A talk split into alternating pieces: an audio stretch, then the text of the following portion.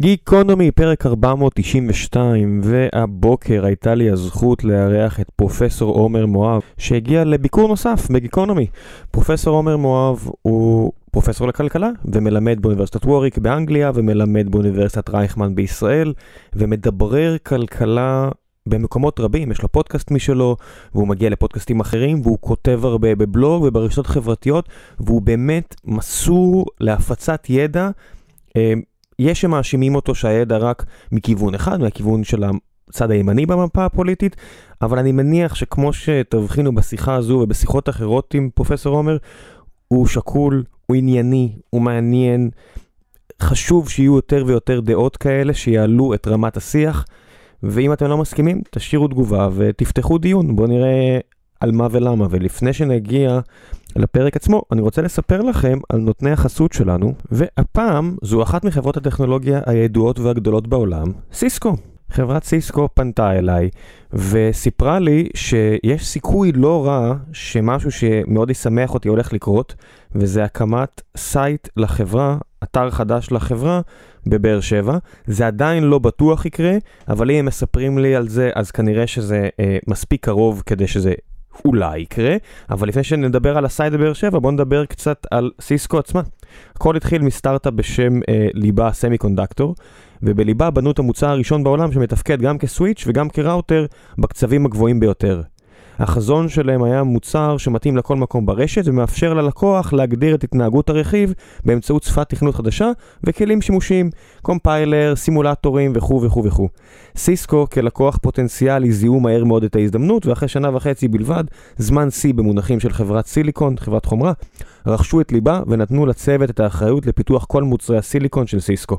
למעשה היום, באופן יוצא דופן בתעשייה, מרכז פיתוח הסיליקון בסיסקו אחראי על הגדרות של כל מוצרי התקשורת החדשים, נמצא כאן בישראל. הרכיבים שמפותחים בסיסקו ישראל נמצאים בכל מקום ברשת, החל מספקי האינטרנט, דרך תשתיות הענן, תשתיות הרשת של חברות, ועוד ועוד ועוד. זה שאתם לא אולי שמעתם על סיסקו ושמעתם על חברות אה, שיותר קרובות לצרכן, לא אומר שסיסקו לא מאוד מאוד חשובה כרגע לתעשייה, ומקום סופר מעניין לבוא ולעבוד בו. ממש אה, לאחרונה, פייסבוק פרסמה שהיא מעבירה את הענן שלה לעבוד גם עם מערכות סיסקו שמבוססות על, סיליקו, על סיסקו סיליקון 1, שזו אותה קבוצה שפה פועלת בארץ. הקבוצה בארץ נמצאת במספר אתרי פיתוח, תל אביב, קיסריה, מודיעין, וכאמור אולי אולי אולי בקרוב גם באר שבע, משהו שישמח מן הסתם אותי, וקיימים בה מגוון רחב של קבוצות פיתוח כמו VLSI, אלגוריתמים, אנלוג, Software Development, Firmware Developer, Development. אז אם אתם רוצים לעבוד במרכז הפיתוח המוביל בעולם בסיסקו, לכלי תוכנה ושבבים, הבונים את האינטרנט של המחר בסביבה מלמדת, דינמית ומתגמלת, תצטרפו לסיסקו סיליקון 1. אני אשאיר לכם אה, בדף הפרק את הקישור למשרות הפתוחות שיש להם ולאתר המוצר שלהם. תגיעו, תעיפו מבט, בטח אם אתם עכשיו לומדים בן גוריון, הסעת חשמל, או מדעי המחשב, או כל מיני דברים כאלו, או בכל אחת אה, מהאוניברסיטאות האחרות בארץ, תגיעו ותגידו שהגעתם דרך גיקונומי, זה מן הסתם יעזור לי מאוד. ועכשיו, לגיקונומי, עם עומר מואב, מקווה שתהנו.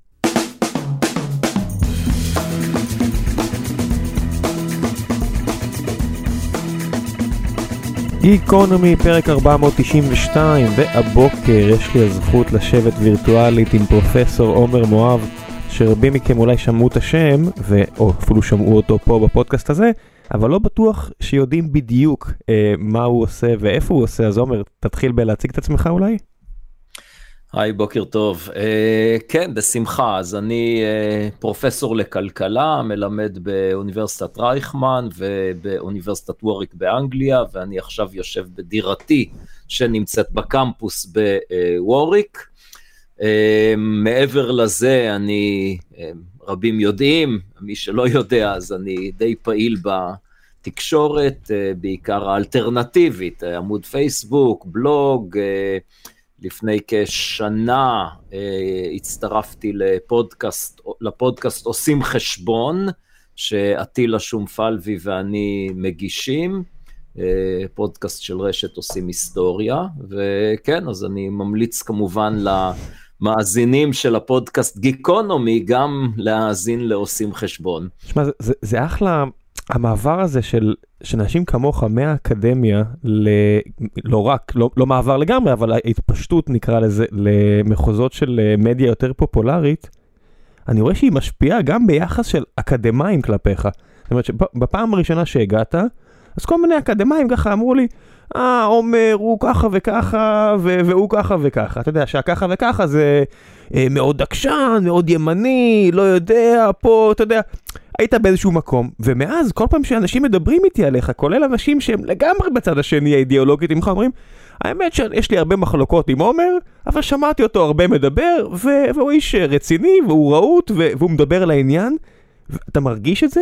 זאת אומרת, הדעות שלך לא נהפכו לפחות נחרצות, אבל זה נראה כאילו ככל שיש לך יותר במה להביע אותם, פתאום אנשים באים ומבינים שזה לא פלקט. Uh, טוב, אני שמח לשמוע את זה. יש אנשים ששונאים אותי, כי יש קבוצה לא קטנה של אנשים שבאמת uh, מין דוגמטיות uh, סוציאליסטית, ואז מבחינתם כל מי שתומך בכלכלת שוק הוא קפיטליסט, ניאו-ליברל ושאר, וזה הכל נאמר בצורה של... אנשים מהקבוצה הזו, אני לא, בלי לציין שמות, אבל אנשים מהקבוצה הזו שאפילו לא סתם אנשים, אנשים שיש להם אולי אפילו דוקטור ליד השם לכלכלה, אמרו לי, חשבתי שהוא ככה, אבל מאז שהתחלתי לשמוע אותו בכל מיני מקומות, אני מבין שזה לא המצב.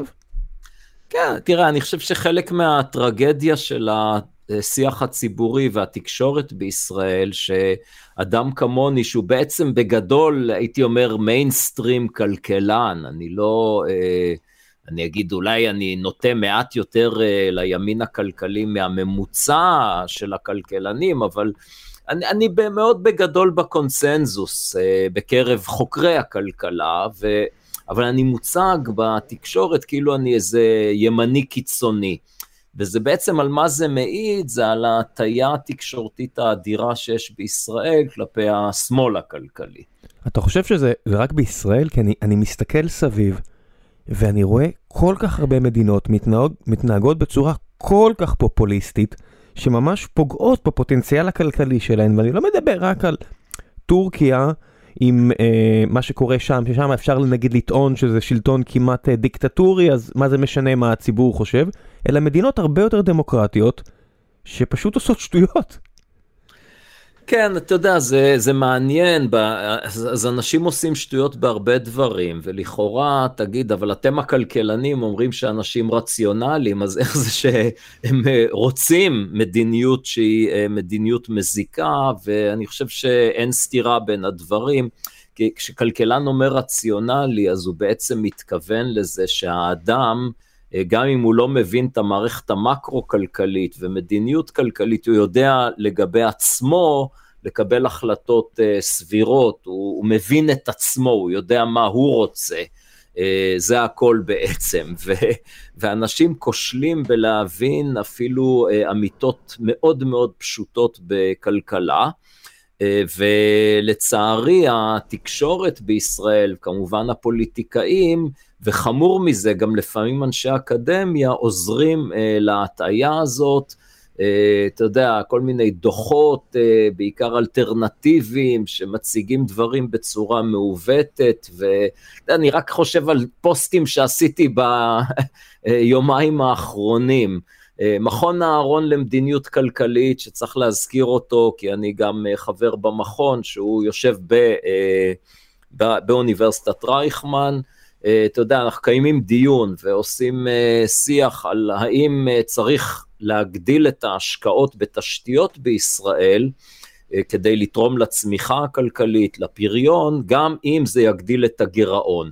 והתשובה, אני חושב שהייתה די הסכמה בין הפרופסורים לכלכלה, שבגלל שהריבית הריאלית היום היא מאוד נמוכה, אז אין סיבה לא להגדיל את יחס החוב תוצר, או אני לא אגיד אין סיבה, אבל כשמסתכלים על הטרייד אופס, אה, אולי נכון כן להגדיל את יחס החוב תוצר אה, במטרה אה, להגדיל השקעות בתשתיות חיוניות. ואני ועוד כמה אנשים שם, בעיקר ממשרד האוצר, אמרו כן, הבעיה היא שכשאתם אומרים להגדיל גירעון לצורך השקעות, אתם תראו שמיד הפוליטיקאים יפרשו כל דבר כהשקעה, במקרה הטוב, במקרה הפחות טוב, הם רק יקשיבו לחצי הראשון של המשפט להגדיל את הגירעון. והנה יום אחרי זה או יומיים אחרי זה, כבר חברת הכנסת אה, לזימי מהעבודה נתנה נאום בכנסת שאמרה, הנה, יש תמיכה ממכון אהרון להגדיל את הגירעון, וצריך לכן להגדיל את תקציבי הרווחה וקצבאות. תשתיות, אתה מבין, זה כמו, ובסכומים כאלה גדולים, היכולת, גם למי שרוצה לנבור במספרים, היא אפסית, אתה, אתה יודע, אתה מסתכל בישראל, שאנחנו מדברים פה על מיליארדים, עשרות מיליארדים, מאות מיליארדים, יכול להיות של תוספות לאורך שנים. בארצות הברית פתאום מעבירים לך אה, חוקים של טריליונים. עכשיו, תחת המילה תשתיות, באמת, כמו שאתה אומר, זה כבר, כל דבר זה תשתיות, תשתיות אנושיות, תשתיות אה, פיזיות, תשתיות דיגיטליות, הכל, מה זה לא תשתיות מהבחינה הזו? בדיוק, בדיוק. לא, זה ידוע, יש לזה המון דוגמאות, שברגע שאומרים אה, אפשר להגדיל גירעון לצורך, לא רק בישראל, לצורך השקעה, פתאום כל דבר הופך להשקעה. אבל תראה, כל זה, איך זה מתקשר למה שאמרתי קודם, החוסר הבנה של הציבור, אולי האמת הבסיסית ביותר שנוח להתעלם ממנה, וכנראה שלא מבינים, זה שלממשלה אין איזשהו מקור כספי שהוא לא הציבור. זאת אומרת, כל הגדלה של הוצאה, היא בהכרח על חשבון הציבור, אם בהווה או בעתיד. כלומר, או שגובים יותר מיסים בהווה בשביל לממן את זה, ואם לא גובים יותר מיסים בהווה, אז uh, המשמעות היא שמשאירים יותר חוב לדורות הבאים לשלם. Uh, זאת עובדה בסיסית, זה כמו כוח הכבידה פחות או יותר. אתה יכול להגיד שיש uh, מדינות כמו נורבגיה או ערב הסעודית, שבאמת יש להן הרבה מקורות הכנסה שהן לא uh, מכספי המיסים, אה, אבל זה בטל בשישים, זאת אומרת, בסופו של דבר, אה, ישראל כמו עם הגז, גם אם היה פה באמת את המספר שציינו של 100 מיליארד, ואולי יהיה לאורך 50 שנה, אנשים צריכים להבין ש-100 מיליארד שקל זה נשמע המון, אבל ביחס למדינה כמו ישראל, זה לא הרבה. כן, לאורך זמן אתה כמובן. צודק, אתה צודק, אבל אני אגיד יותר מזה, לכן הייתי מאוד זהיר בניסוח שלי, ואמרתי הגדלה. הרי זה, נגיד שאפילו יש לך כמו נורבגיה או ערב הסעודית איזשהו כן. סכום מאוד גדול, אבל בשוליים, אם אתה רוצה עוד לתת, התוספת הזאת תמיד תהיה על חשבון הציבור. ו, ואיכשהו נורא נוח להתעלם מזה, אתה רואה גם את השיח הציבורי של פוליטיקאים, פתאום עכשיו זה נהיה באופנה, שאני אוהב את האופנה הזאת במידה מסוימת, רק כי של אסור להעלות מיסים. מיסים רק להוריד. עכשיו, אם זה היה מלווה בלא נעלה מיסים, רק נוריד ונקצץ מול זה הוצאות כדי למנוע גירעון, אז אני הייתי מאוד בעד. אבל זה כאילו, התפיסה היא שכשהממשלה מגדילה הוצאה אז היא נדיבה לציבור, וכשהממשלה מעלה מיסים אז היא רעה לציבור. אה, וכחלון הפך את זה כשר אוצר באמת לאומנות של הנה אני מחלק מתנות לציבור, הנה אני מחזיר לציבור. זה, אני, יש לי בבלוג סדרה של אה, משלים, זה אה, הגזבר החברתי. אתה יודע שבמקום לחשוב על מדינה שהדברים נראים מורכבים, תחשוב על גזבר של ועד בית. ואז אתה אומר, תגיד לי, אם הגזבר בוועד הבית שאתה גר פתאום יגיד, תשמעו, אני נורא נדיב, אני החלטתי לממן חוגים לילדים בבניין. ומאיפה הכסף? אה, זה בסדר, אני אכנס לחוב קטן בחשבון של ועד הבית. אז, אז כולם מבינים, אתה לא נדיב בכלל, אתה רק מכניס אותנו לחובות, אתה כופה עלינו לממן משהו שאולי אנחנו לא רוצים. זה המשמעות, אבל זה כן. אותו דבר בדיוק ברמה המקרו-כלכלית. ולאנשים איכשהו נוח להתעלם מזה, ונוח להתעלם כי הפוליטיקאים והתקשורת אה, מהדהדים את המסר הזה. הם בעיקר, מה שמפריע לי זה העניין של הרידוד. זאת אומרת, עכשיו אה, אחד מהבונטונים זה אומרים, המדינה לא, אה, המדינות אפילו לא באות אה, לציבור, לא עוזרות לציבור בכך שהן שומרות את הריבית נמוכה וכך נותנות להשתוללות מחירים. תראו את שרי האוצר והנגידים הרשעים האלה שלא מוכנים להעלות את הריבית ובעצם נותנים לבעלי ההון להשתולל. 30 שנה אחורה, פול וולקר מעלה את הריבית כדי לעצור את האינפלציה המשתוללת, ומול ביתו מאשימים אותו בכל דבר מהשואה ולא יודע מה, כי הוא העלה את הריבית ואיך אתה גומר את האדם הקטן. זאת אומרת, זה יקרה גם פה. ההיסטוריה, הטרגדיה מתגלגלת, כל הסיפור הזה ואז קומדיה, הרי זה יקרה גם פה. תכף באמת יגדילו את הריבית כדי לעצור את ההשתוללות בנדל"ן, ואז נגלה שזה שאנשים קפצו פה מ-700 אלף שקל משכנתה ממוצעת ל... מעל מיליון שקל, ופתאום ההחזר החודשי שלהם יגדל בצורה ניכרת, כי זה בדיוק כמו חוב, רק ברמת משק הבית, פתאום יתחילו לצעוק איך אתם מעלים את הריבית? הרי זו אותו, אותה פעולה עם אותה פרשנות. עשיתם פעולה אה, מנוגדת, והפרשנות היא שדפקתם אותנו. כן, אתה צודק, זה, כל השיח הזה, באמת זה מצער שגם יש אנשים שמתהדרים בתואר כלכלנים, שמקשקשים על הריבית. יש פה אה, חוסר הבנה בשיח הציבורי בכמה רמות. ראשית, באמת, כשחושבים על יוקר הדיור, אז אה, אנשים מסתכלים על תג המחיר, כמה עולה דירה. כמובן שכשהריבית נמוכה, אז המחיר של אה, כל נכס מניב נהיה גבוה יותר, בין אם זה דירה ובין אם זה מניה. למי שלא יודע, רק אני אכנס במשפט, למה? יש פה איזה משהו שאמרת שלך נראה מובן מאליו, בגלל שריבית נמוכה לא מאפשרת לך לקבל, לך לקבל כסף בפיקדון בבנק, ואז צריך למצוא אפיק השקעה. אלטרנטיבי, ואז הולכים לנדל"ן במניות, בדרך כלל, והם עולים, זה הכל, זה, זה המתמטיקה הפשוטה. כן, זה, אתה, יכול לא כך לחשוב על זה, או לחשוב על זה שאם הריבית האלטרנטיבית חסרת הסיכון, שאתה יכול לקבל באג"ח ממשלתי, או בתוכנית חיסכון בבנק, היא מאוד מאוד נמוכה, אז השיווי המשקל מחייב שגם התשואה על נכסים ריאליים אחרים תהיה מאוד נמוכה. ומה זה אומר תשואה נמוכה? אם שכר הדירה נתון, אז מחיר הנכס צריך uh, לעלות. זה, זה. משהו, זה צריך, משהו צריך לעלות, תמיד, כי זה, כי זה בעצם השיטה הכלכלית, למה? זה הכל מגיע מכך שאנחנו שמים את הכסף שלנו בפנסיה, או שמים את הכסף שלנו בבנק, וחושבים שזה צריך לעלות, זה התפיסה האישית שלנו, זו צמיחה. Uh, זה, זה המצב, אתם לא רוצים לקבל את זה, אין מה לעשות. אז כששומרים את הריבית נמוכה, נכסים עולים, או מניות או נדל"ן. ועכשיו אני מחזיר אותך למה שאמרת לפני שקטעתי אותך רק כדי לסגור פה את הפינה. אמ, מעלים את הריבית, מה זה יעשה על ה, על, למשק? אנשים מדברים אז, על זה. אז בוא, בוא רק נגיד כמה נקודות עוד בעניין הזה, לפני העלאת הריבית. אה, ראשית, כמו שאמרת, אני רוצה רק להדגיש את הנקודה הזאת, יש הבדל בין תג המחיר על דירה, לבין העלות הכלכלית של דירה. מה ההבדל? עלות, אני לא חושב על זה במונחים של אוקיי, זה שני מיליון שקל, זאת העלות. לא. העלות, לכלכלן העלות היא במונחים אלטרנטיביים, וזה כמה אני אה, אוותר על צריכה במהלך החיים שלי כדי לרכוש את הדירה.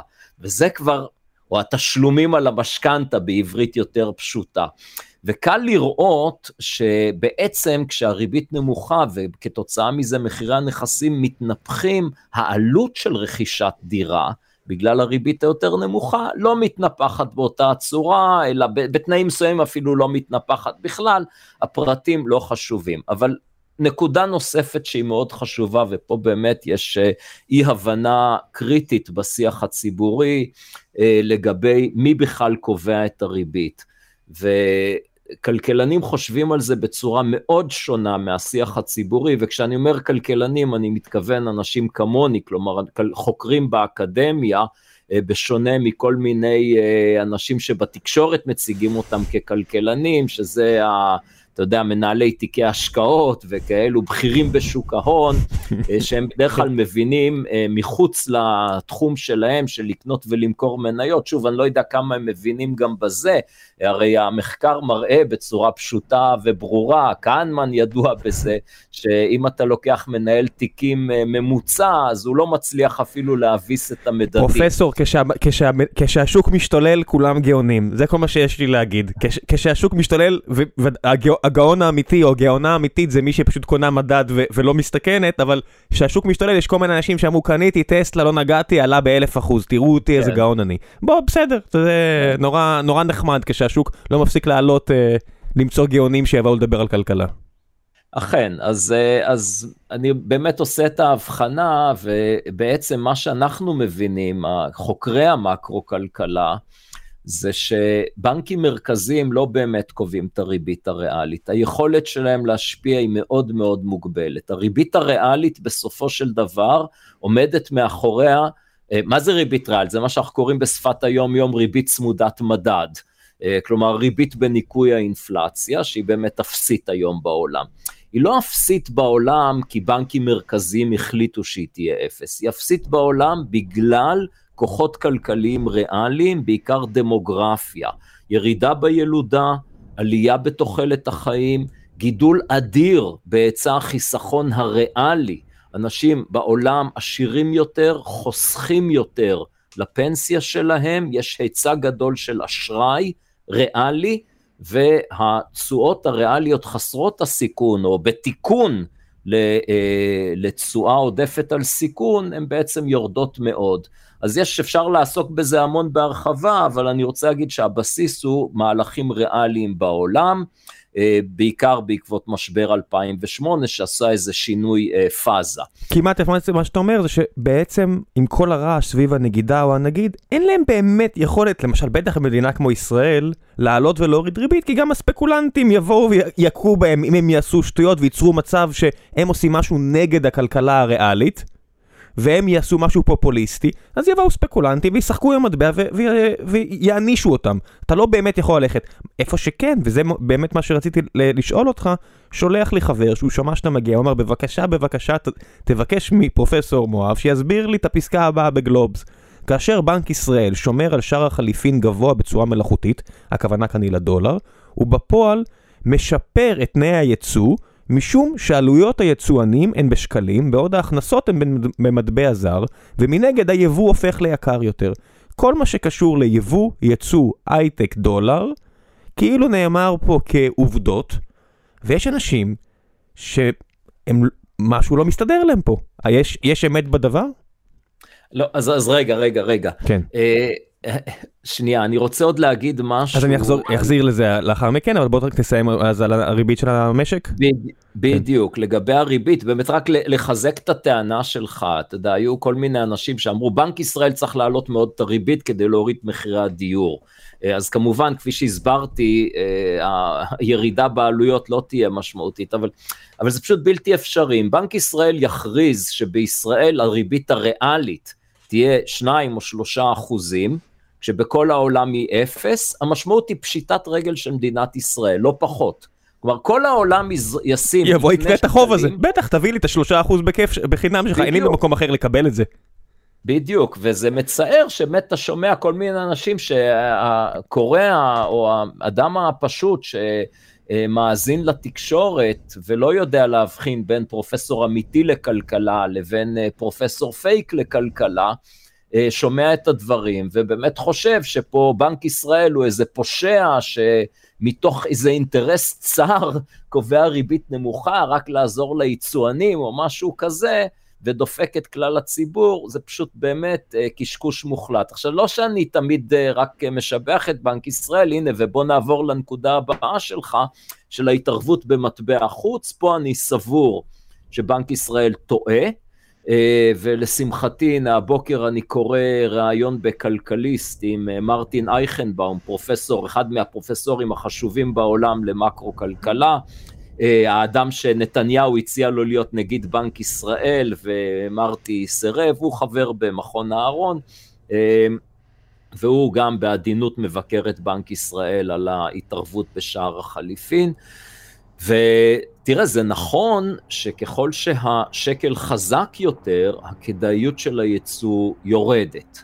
מצד שני, שקל חזק אה, ממתן עליות מחירי יבוא, במצבים מסוימים אפילו מוריד את מחירי היבוא. כלומר, ליצואנים טוב שקל חלש. היצואן ככה מקבל יותר אה, שקלים על כל דולר, ולצרכנים דווקא טוב שקל חזק, כי כצרכנים אנחנו רוצים שהשקל שלנו יהיה לו יותר כוח קנייה של מוצרי אה, יבוא. תן לי גם להוסיף לך משהו שאולי לא אה, ברור לכולם. אנשים אומרים, איך, איך, אני חוזר להייטק, זה היה קרוב לליבי, אומרים, איך יהיה פה קטסטרופה אם הדולר יהיה שניים וחצי אה, שקלים, איך יעסיקו פה עובדים. ואני מסתכל, וזה מה שנקרא לא הכי טוב לי ברמה הסובייקטיבית, אבל אני מסתכל ואני אומר, המשכורות פה עלו מאוד. משלל סיבות. האם זה באמת יהיה כזו קטסטרופה שהמשכורות ירדו לרמה שהן היו לפני שנתיים-שלוש? לא לפני 30-20 שנה, שנתיים-שלוש. אם המשכורות עלו ב-20-30 אחוז, וזה באמת מה שקרה בהרבה מקרים, בהייטק אתה מתכוון. כן, כן, אני מדבר באזור הזה. והדולר שקל ינוע בכיוון הזה, כי באמת נכנסו לפה הרבה דולרים, ריאלית. חברות כמו סטרים אלמנט שלנו ואחרות גייסו סכומי כסף אדירים, שעימן הם משלמים משכורות, עימן הם סוחרים נדל"ן בעלות הולכת ועולה. אני אומר, הדבר הטבעי והריאלי שיקרה, זה שהשוק יאזן את זה. זאת אומרת, נכנסו הרבה דולרים, אנשים קנו וגרמו למצב שהשקל מתחזק, אז כן, הגיוני שהמשכורות לא יוכלו להמשיך לעלות ככה. מה שקורה פה, שיש פה התערבות לא טבעית במהלך השוק, וזה הכל, אנשים אומרים, איך נוכל לשלם משכורות? אתה תשלם פחות. וזה יהיה, בגלל שזה יהיה אחיד, אז זה לא שמישהו פה ידפק לעומת האחר. כי אם מייקרוסופט ופייסבוק וסנאפ וגוגל יגידו, טוב, אנחנו נשלם פחות, כי העלות של העובד הישראלי היא אה, גבוהה יותר. מה הם יעשו? כולנו נקום ונעבור לאוסטין טקסס? המשכורות שלך עלו עכשיו ב-20% בשנתיים שלוש האחרונות, מה קרה? זאת אומרת, הפופוליזם אפילו, ש... עוד עשר דקות אולי אפילו אני אשב בחזרה לפופוליזם הזה, אבל זה מדהים כמה קשה לנתק את החוויה הסובייקטיבית מה, מהאמת האובייקטיבית. יפה, אז אני שמח שגם אתה וגם אני אה, מצליחים לעשות את זה, אני חושב, כי הנה, אני מדבר איתך מאנגליה, מה זה אומר? ההכנסה שלי, רוב ההכנסה שלי היא בפאונדים. עכשיו תראה, כשאני התחלתי לעבוד באנגליה לפני כ-16 שנים, קיבלתי, uh, המשכורת שלי פאונדים הייתה הרבה יותר נמוכה ממה שהיא עכשיו, אבל אז הפאונד היה 8 שקלים, היום זה 4 שקלים וקצת. אני מפחד לבדוק, זה כל פעם, אה, באמת, אני, מה זה רוצה באינטרס האישי שלי שבנק ישראל יקנה דולרים כמו מטורף, אה, ויחליש את השקל? אבל אתה יודע, האמת היא אמת, אין מה לעשות, זה מהלך של דעתי, הוא פשוט לא מוצדק, וכמו שאמרת, אני רוצה רק לחזק ולתת אולי דיוק או פרשנות יותר לדברים שלך. אה, מה זה המנגנון הזה של שיווי המשקל? המשק הישראלי יש לו יותר ייצוא מיבוא אה, כבר בערך 20 שנה, וזה התחזק מאוד מאוד בזמן הקורונה. וכשיש יותר ייצוא מיבוא, אז יש מנגנון כלכלי פשוט, השקל מתחזק, זה מצד אחד פוגע ברווחיות הייצור, ומצד שני זה מגדיל את הכדאיות של היבוא, וזה המנגנון שפועל. לכן, לנסות לחסום את זה, זה מטופש, גם אנשים חושבים, זה חלק מזה נובע מאיזה טעות בסיסית של כאילו ייצוא זה דבר מצוין, ואתה שומע את השיח הזה, אתה שומע תמיד את uh, נשיא התאחדות התעשיינים, לא משנה מי הוא, שרגא ברוש, ועכשיו רון תומר. לא יודע, בדיוק ראיתי שהוא קנה פנטהאוז ב-35 מיליון שקל. אה, אתה מבין, זה, סוג הידיעות שאני רואה. אני רואה ידיעות על uh, צהוב עושר, או צהוב כלכלה, שזה מבחינתי הפופוליזם. זה כן. אותו אדם, כן? כן, כן, כן. אז, כן. אז אין לי בעיה, אני מפרגן לאנשים האלו, ואני זוכר באמת ששרגא ברוש פעם בביקורת אישית עליי, כתגובה לדברים הענייניים שאמרתי, אמרתי, מי זה עומר מואב? הוא לא יצא בחיים שלו כלום. אז א', זה לא רלוונטי, ב', אני יצואן, כן? כי אפילו יצואן מצטיין, מה זה אומר, מה זה בדיוק מה שאני עושה של... אבל, אבל למה אני אומר את כל זה? כאילו השיח הוא, מי שיצואן זה גאווה, זה טוב לכלכלה, ויבואן זה בדיוק הפוך. אבל האמת הכלכלית היא שזה שטות לחשוב כך. כי מה זה מסחר בינלאומי? סך הכל בסוף זה חליפין, זה אומנם חליפין בצורה מורכבת, אבל זה חליפין. לחשוב שיש איזה טעם לייצא באופן שיטתי יותר ממה שמייבאים, פשוט שטות מוחלטת. זה כמו שתגיד לי שיש אה, היגיון אה, באופן שיטתי לעבוד, לקבל משכורת, וחלק מהכסף לחסוך, אבל לא במטרה לעשות בו שימוש בעתיד. כאילו, יש לי, יש לי כספת בבית, אני את מה שאני חוסך ממיר למטבעות זהב, משחיל דרך חריץ לתוך הכספת, ואת המפתח של הכספת אני זורק. בחיים לא אני ולא הצאצאים שלי לא יפתחו. מה תגיד לי? אתה אידיוט.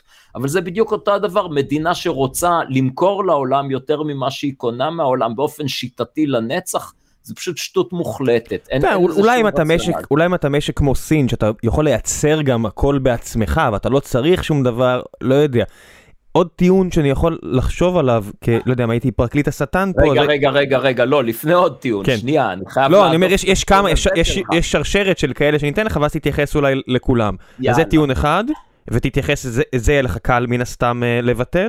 את השני, שאני אשמח ל- ל- להיות פרקליט השטן פה, זה העניין שייצוא הרבה פעמים מתקשר לייצור. זאת אומרת, כשאני מייבא, מישהו אחר מייצר. כשאני מייצא, הרבה פעמים אני הוא זה שמייצר. זאת אומרת, אם זה ייצוא של טק, זה אומר שיש לי פה חברות שמייצרות את התוכנה והן מייצאות אותן.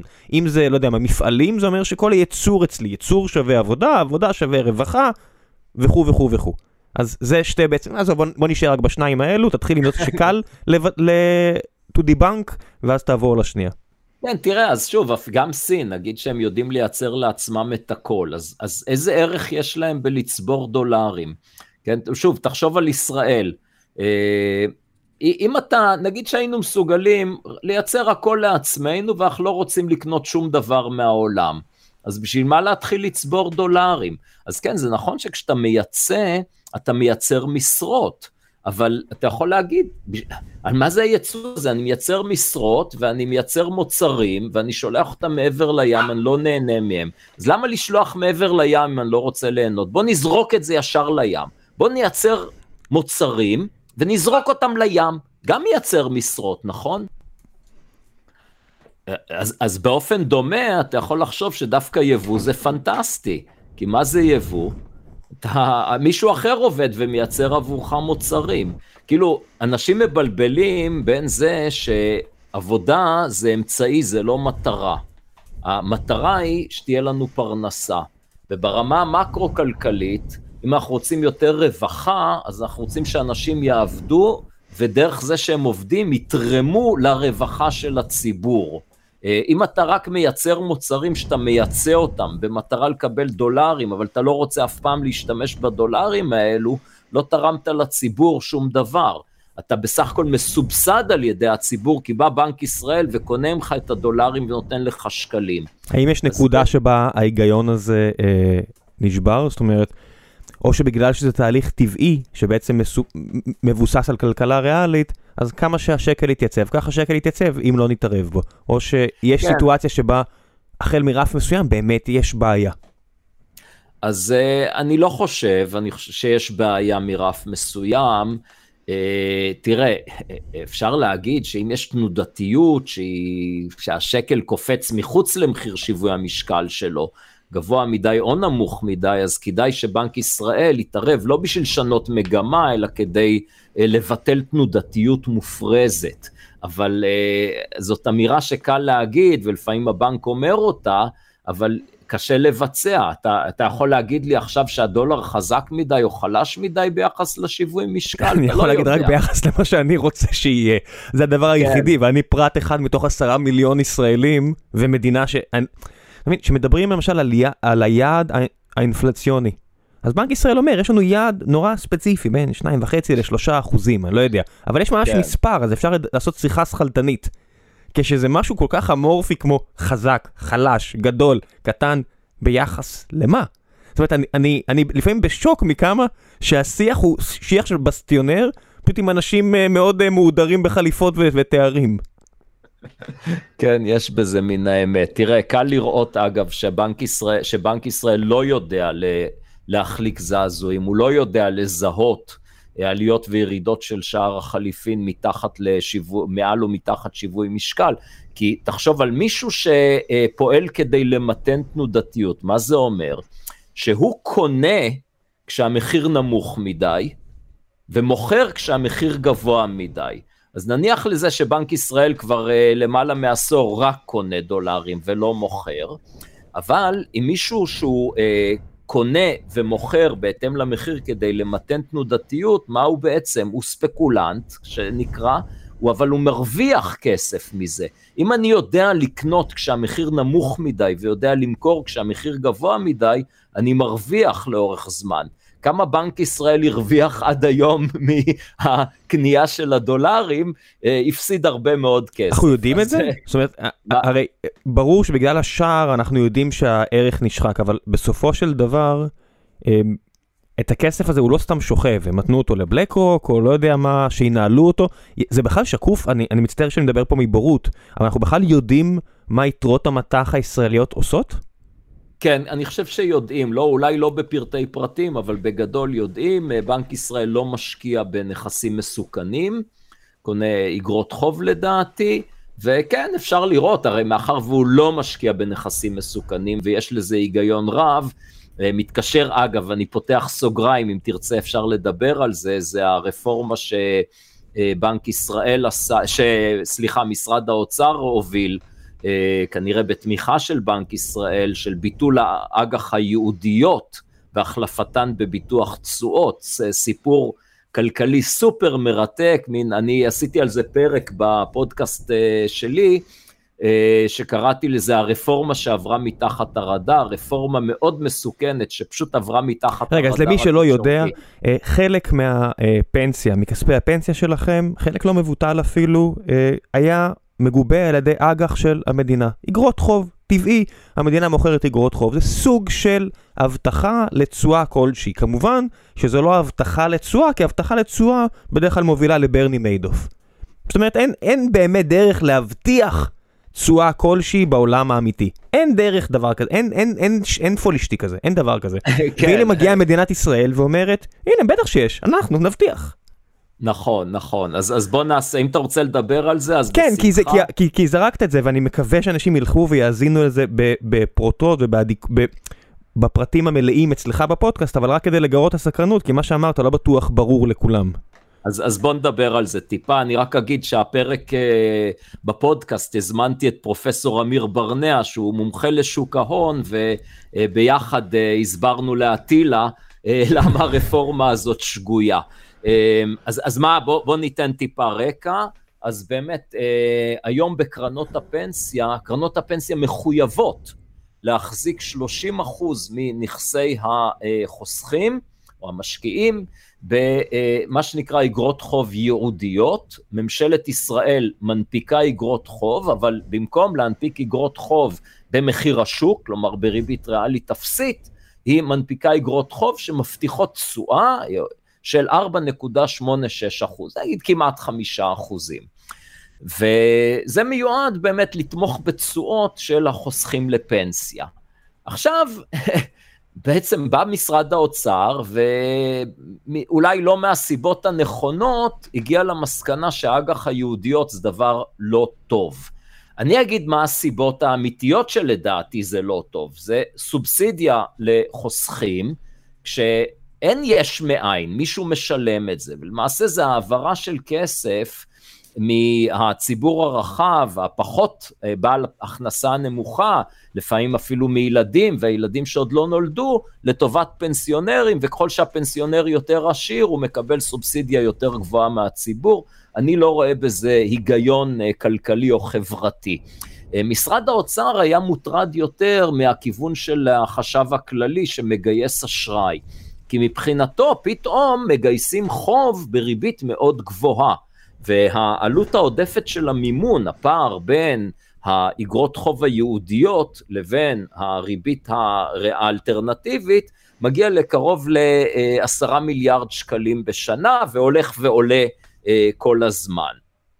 ואז אמרו בואו נעשה, עכשיו בעבר, כשהריביות הריאליות שממשלת ישראל גייסה בהם הון הייתה, היו שלושה, ארבעה, חמישה אחוז, אז בסדר, אז ההפרש לא היה כזה גדול.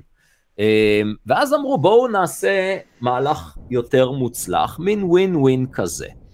אמ, הרי גם החוסכים במובן מסוים, בממוצע, מפסידים מהאג"ח היהודיות. אמנם זה נותן להם ביטחון, ש-30% מהתיק מובטח, אבל שוק ההון נותן יותר מחמישה אחוזים לאורך זמן. אני לא יודע, קרן השתלמות שלי שהצמדתי אותה ל-S&P 500 עשתה עשרות אחוזים בכמה שנים, לא תגיד לקחתי פה איזה סיכון ענק, הצמדתי למדד. אלמן כן. אלדובי, עכשיו לא יודע איפה אקסלנס, לא יודע איפה זה עבר עכשיו, ברגע שפתחו את האפשרות, העברתי למדד, לא משהו מסוכן, לא בחרתי מניות, הצמדתי למדד, עשרות אחוזים תוך כמה שנים. נכון, כולנו, כולנו. כל מי שעשה את זה, אה, כן, זה לא איזה מדע טילים פה, לא, אני לא גאון. מי ששם כסף בכל, לא משנה אם זה קרן השתלמות או קרן פנסיה, או סתם אה, כסף שחסכת וקנית בו מדדים, אז עשית יותר מאשר חמישה. לא, אני מציין את זה במפורש, כי באמת היה לפני אה, מספר שנים, לא זוכר, שבע או שמונה, מתי שהתחילו את זה, לפני כן זה לא היה אפשרי. זאת אומרת, ציינתי במפורש, כן, לא, לא כולם יודעים שבכלל פתחו את האפשרות הזו. זאת אומרת, פעם היית מחויב להגיע לכל מיני גופים ישראלים שינקו ערך ויצרו, אתה יודע, את השטויות שלהם כאילו, כאילו הם גאונים גדולים, במקום פשוט לתת לאנשים את האפשרות להצמיד למדד, לשלם פחות עמלה ושלום על ישראל. אז יש את האפשרות כן. הזו, אני לא ממליץ לכם או לא ממליץ לכם, רק תדעו שזה קיים. זהו, חזרנו לשיחה. יפה. כן. יפה. ואז, תראה, חשבו במשרד האוצר והגיעו למסקנה שאפשר לעשות פה ווין ווין. ניתן לחוסכים את ה... במקום ה-30 אחוז הזה, לא, לא, שוב, בתהליך הדרגתי, כלומר, זה לא שיבטלו את האג"ח היהודיות שכבר הונפקו, אבל לא ינפיקו חדשות. אה, והחוסכים פשוט ישימו את הכסף הזה בבורסה, ייהנו מתשואה יותר גבוהה בממוצע, ומשרד האוצר לא יצטרך לגייס הון בצורה כל כך יקרה, ויחסוך כעשרה מיליארד שקלים בשנה. ווין ווין. או כמו שאמיר ברנע, פרופסור אמיר ברנע אמר, אלכימיה. כי איך זה יכול להיות רגע שיש פה רק ווין ווין? מאיפה זה מגיע? אין סיכון, נעלם הסיכון ויש רק רווח. נעלם הסיכון. יפה, אז כי בעצם מה משרד האוצר אמר? הוא לא באמת אמר, מעכשיו אתם תשקיעו בבורסה וזהו. לא, הוא אמר, אני אבטח לכם את התשואות. לפחות הוא לא הלך להצעה, הייתה הצעה של פרופסור אביה ספיבק, שהביטוח יהיה רק כלפי מטה. כלומר, אתם תשקיעו בבורסה, וכל מה שמעל חמישה אחוז אתם תיקחו. אבל אם זה יהיה מתחת חמישה אחוז, משלם המיסים יסבסד אתכם. אז זה משרד האוצר, לשמחתי הרבה, לא עשה, ובעצם אמר כך, אנחנו, הקרנות הפנסיה ישקיעו 30 אחוז במקום באג"ח יהודיות, כמו בכל התיק הממוצע שלהם, אבל לגבי ה-30 אחוז הזה, אם תשואות פעם בחמש שנים יבדקו, אם התשואות תהיינה פחות מחמישה אחוז לשנה, משרד האוצר ישלם את ההפרש, ואם הן תהיינה יותר מחמישה אחוזים, זה ילך לקרן של משרד האוצר לטובת תשלום ההפרש בעתיד.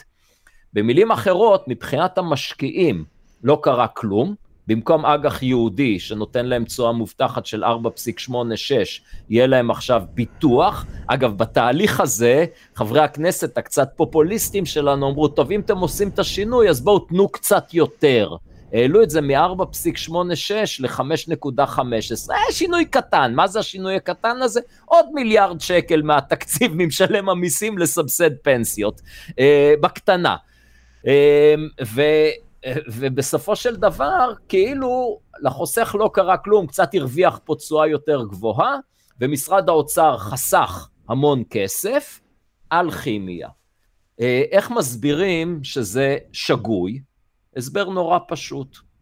הדבר הזה מקביל לחלוטין להחלטה של משרד האוצר בכלל להמשיך להנפיק אגרות חוב יהודיות, אבל לקחת הלוואות מהציבור בריבית שוק, ואת הכסף הזה להשקיע בבורסה. תראה איזה רעיון נפלא.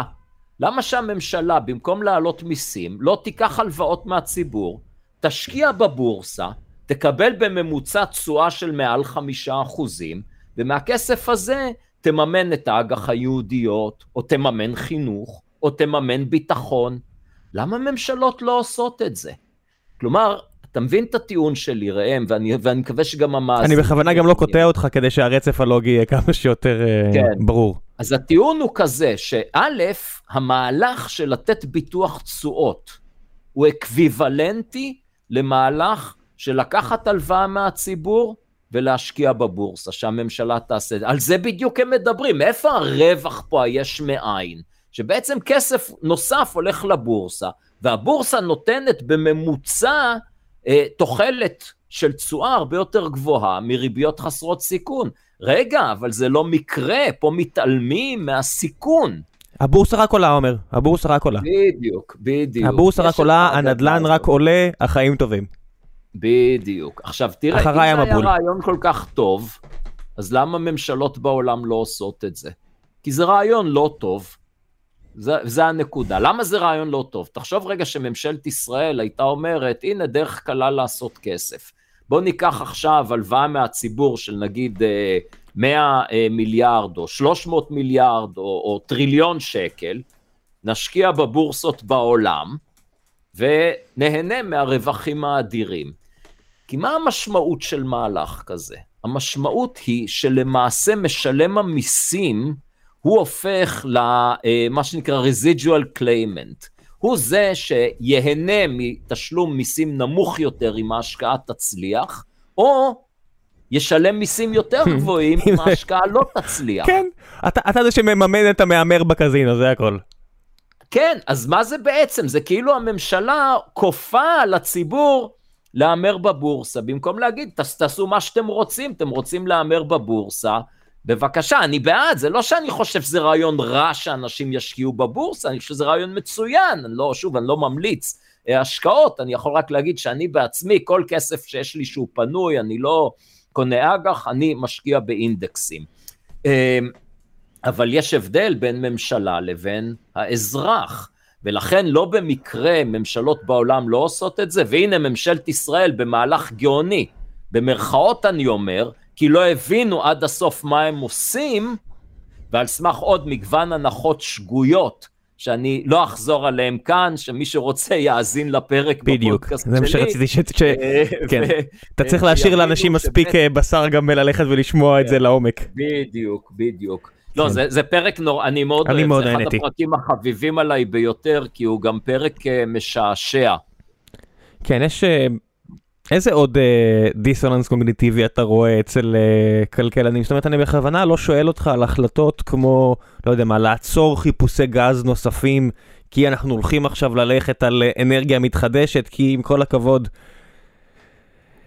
אני לא יודע, זה, זה באמת, זה מסוג הדברים האלה שאני לא מאמין ששר יכול להגיד בלי שמישהו ירים את היד ויגיד, תסבירי, בבקשה תסבירי, תסבירי לי איך זה הולך לעבוד הסיפור הזה, אה, בלי לנפנף ידיים, בואי תסבירי, אני פה, אני כל הלילה אהיה פה, תסבירי. אז זה לא, הנקודה הזאת, אני באמת, זה, זה לא, השאלות פה לא אליך. אבל איזה עוד אה, דיסוננסים קוגניטיביים כלכליים אתה רואה סביבך כיום, שפשוט מטריפים? אוי, יש כל כך הרבה שאני אה, באמת לא יודע איפה להתחיל, אז באמת, שוב, וכמעט הכל חוזר לנקודה שאנשים לא מבינים שמס על הציבור הוא לא גזירה. מס הוא דרך לממן את הוצאות הממשלה. הגזירה על הציבור זה ההוצאה, כי ההוצאה מחייבת מס. זה, זה הבלבול. ותראה, זה מגיע, שוב, נגיד, בוא ניקח למשל את השיח על השקעה בתשתיות. אוקיי, אז אין ספק, מדינת ישראל אה, נמצאת בפיגור אדיר בהשוואה למדינות שאנחנו רוצים להידמות להן בתחום של התשתיות. נגיד למשל תחבורה, תחבורה ציבורית בעיקר, אה, ולא במקרה אנחנו סובלים מאוד מפקקים בכבישים, זה לא נדמה לנו. ישראל היא כנראה המדינה הפקוקה ביותר בין המדינות המפותחות בעולם. אה, יש פה בעיה אחת אובייקטיבית, מלא ילדים. ילדים. מלא ילדים. כן. מה? מלא ילדים, שטח אדמה קטן, שתי עובדות שאי אפשר להתווכח עליהן. אמת, אמת, עושים פה, עזוב, אפילו בלי, בלי קשר, שטח אדמה זה לא, שוב, אתה יודע, יש פה שטחים אדירים פתוחים, בעיקר מדבר. שטח אדמה שעליו גרים. השטח נכון. אדמה עליו מתגוררים, אה, מתגוררת רוב האוכלוסייה, פלוס כמות האנשים הנוספים שמתווספת לאותה אוכלוסייה, זה בסדר, יש נגב, אוקיי? יש גולן, אנשים לא חיים שם, מה לעשות? אני, אני כבאר שבעי אומר את זה, רוב האנשים לא חיים, לא בנגב, לא בגולן, רוב האנשים מתרכזים בשטח נורא נורא קטן, כמות האנשים החדשים שמצטרפת גדולה.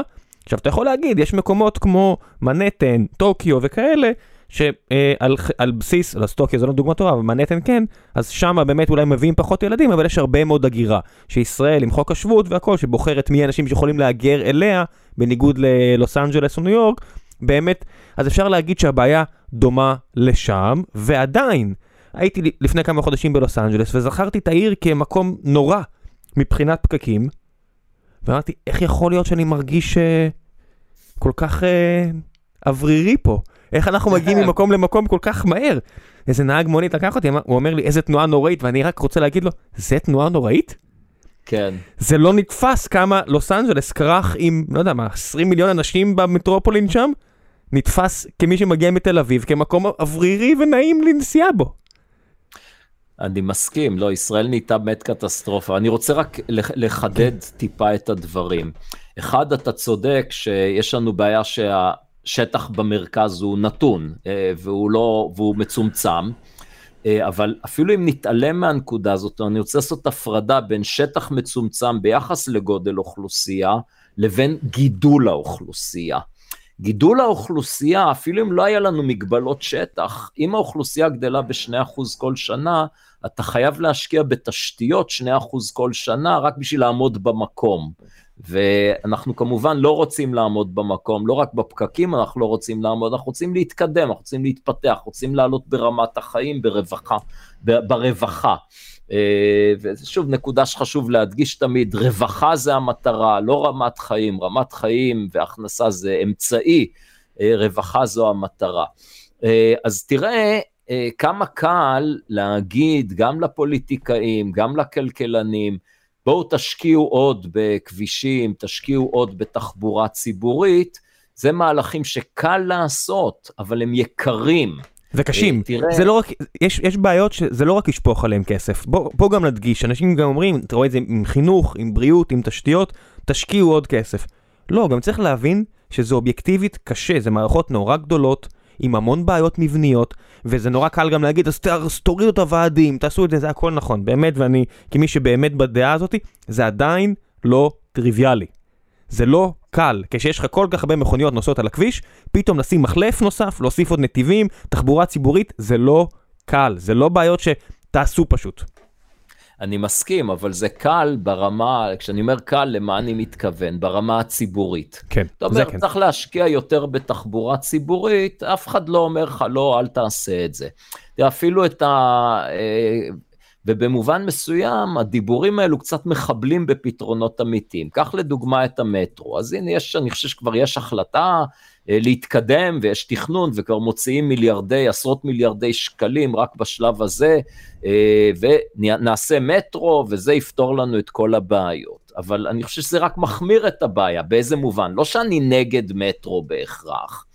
אלא שהדיבורים על זה שבעוד 15-20 שנה, בפחות, אה, וחוב של 200-300 מיליארד שקל, יהיה לנו פתרון, אבל מה אם עכשיו, תשמע, עד שיהיה מטרו אני כבר אהיה בן 80, אני, אני רוצה פתרון עכשיו. אבל הפתרונות עכשיו הם לא פופולריים, ואני מדבר פה על אגרות גודש. עכשיו תראה, אגרת גודש מסמלת בעיניי כמעט יותר מכל, ההתנגדות של הציבור לאגרת גודש, את חוסר ההבנה העמוק בחשיבה כלכלית.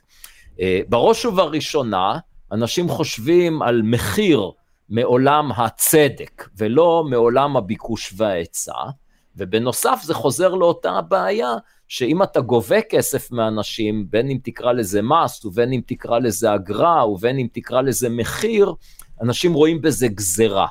בלי להבין שמס זה לא גזרה, ההוצאה של הממשלה שמחייבת מיסים היא גזרה, ואם אתה גובה יותר באגרות גודש, אז אתה תגבה פחות במקום אחר. אני אישית הייתי מעדיף שיהיה קשר הדוק בין הדברים, שהנהגים ישלמו על שימוש ברכב בכביש עמוס, אבל ישלמו פחות במס קנייה. אגב, זאת המלצה אה, נכונה מאוד, שגם מקובלת על כלכלני ה-OECD. אה, מיסוי על רכב חדש, שדווקא הוא זוכה לפופולריות, ואנשים אומרים, צריך להכביד על רכישת רכבים חדשים שיהיו פחות רכבים. שוב, חוסר הבנה. אתה לא רוצה, אני לא רוצה לפגוע ברווחה של אנשים, אני בעד זה שאנשים יחזיקו רכב, שיאפשר להם ניידות וגמישות, ובעיקר סופי שבוע, אבל אני רוצה שישלמו על השימוש ברכב בכבישים עמוסים. זו הכלכל... זה ההיגיון הכלכלי הפשוט. יש פה באמת גם עניין של קיבעון מחשבתי, אנשים uh, נוטים להתמכר להרגל, ולחשוב שאם ככה זה היה, זה בסדר, לזה אנחנו רגילים. אז תראה, מצד אחד שאומרים אגרות גודש, או לא, לא, זה לא חברתי, זה יפגע בחלשים, שזה שטות אגב. כי החלשים נוסעים באוטובוסים, ונוסעי האוטובוס הם הראשונים ליהנות מזה שיהיו פחות מכוניות על הכביש. אבל אותם אנשים מקבלים בצורה, כאילו בשלוות נפש מוחלטת, את המיסוי המאוד מאוד מאוד כבד על רכבים חדשים. מה זה אומר? שאותם עניים שכן נוסעים ברכב, ומרחמים עליהם שלא ישלמו אגרות גודש, נוסעים ברכבים מאוד ישנים, שמזהמים ומסכנים את, את הנוהג ואחרים. אה, בגלל אני, המיסוי. אני, לא יודע, אני, אה, אני מודה, אני מרוויח די טוב, אני נוסע על מזדה 2 משומשת מ-2014, נורא יקר לקנות, זה פשוט נראית לי הוצאה די אה, מטופשת בארץ לאור המחיר, אתה יודע, אני נוהג על אוטו של שליח פיצה בקליפורניה, כי נורא יקר לקנות פה רכב. תשמע, עכשיו אתה מביך אותי, כי אני נוסע ברכב משנת 2008. או, אז אתה יודע, אז אני התפזרתי. מזדה 2 משומשת מ-14, שיהיה. אבל, אתה יודע, זה, זה לא רק אני, זה פשוט נורא נורא יקר פה, ומכוניות ישנות יותר מגדילות הסיכון ל... בסדר, אני אומר את זה בצורה כאילו חצי רציונלית, יש לי ילד והייתי אמור לקנות אוטו חדש יותר שהוא בטוח יותר. אוקיי? באמת, גם יש פה את הדברים האלו, או חסכוני יותר על אנרגיה, או כל מיני דברים כאלו, אבל המחיר הגבוה של אוטו חדש, הירידת ערך העצומה הזו, שאתה קונה אוטו פה בארץ, בטח כשאני עושה את החישוב בראש של דולרים, שאני אומר, מה 60 אלף דולר יביאו לי פה? פסאט? זה לא אוטו של 20 כן. ומשהו אלף דולר בארצות הברית, מה קורה פה?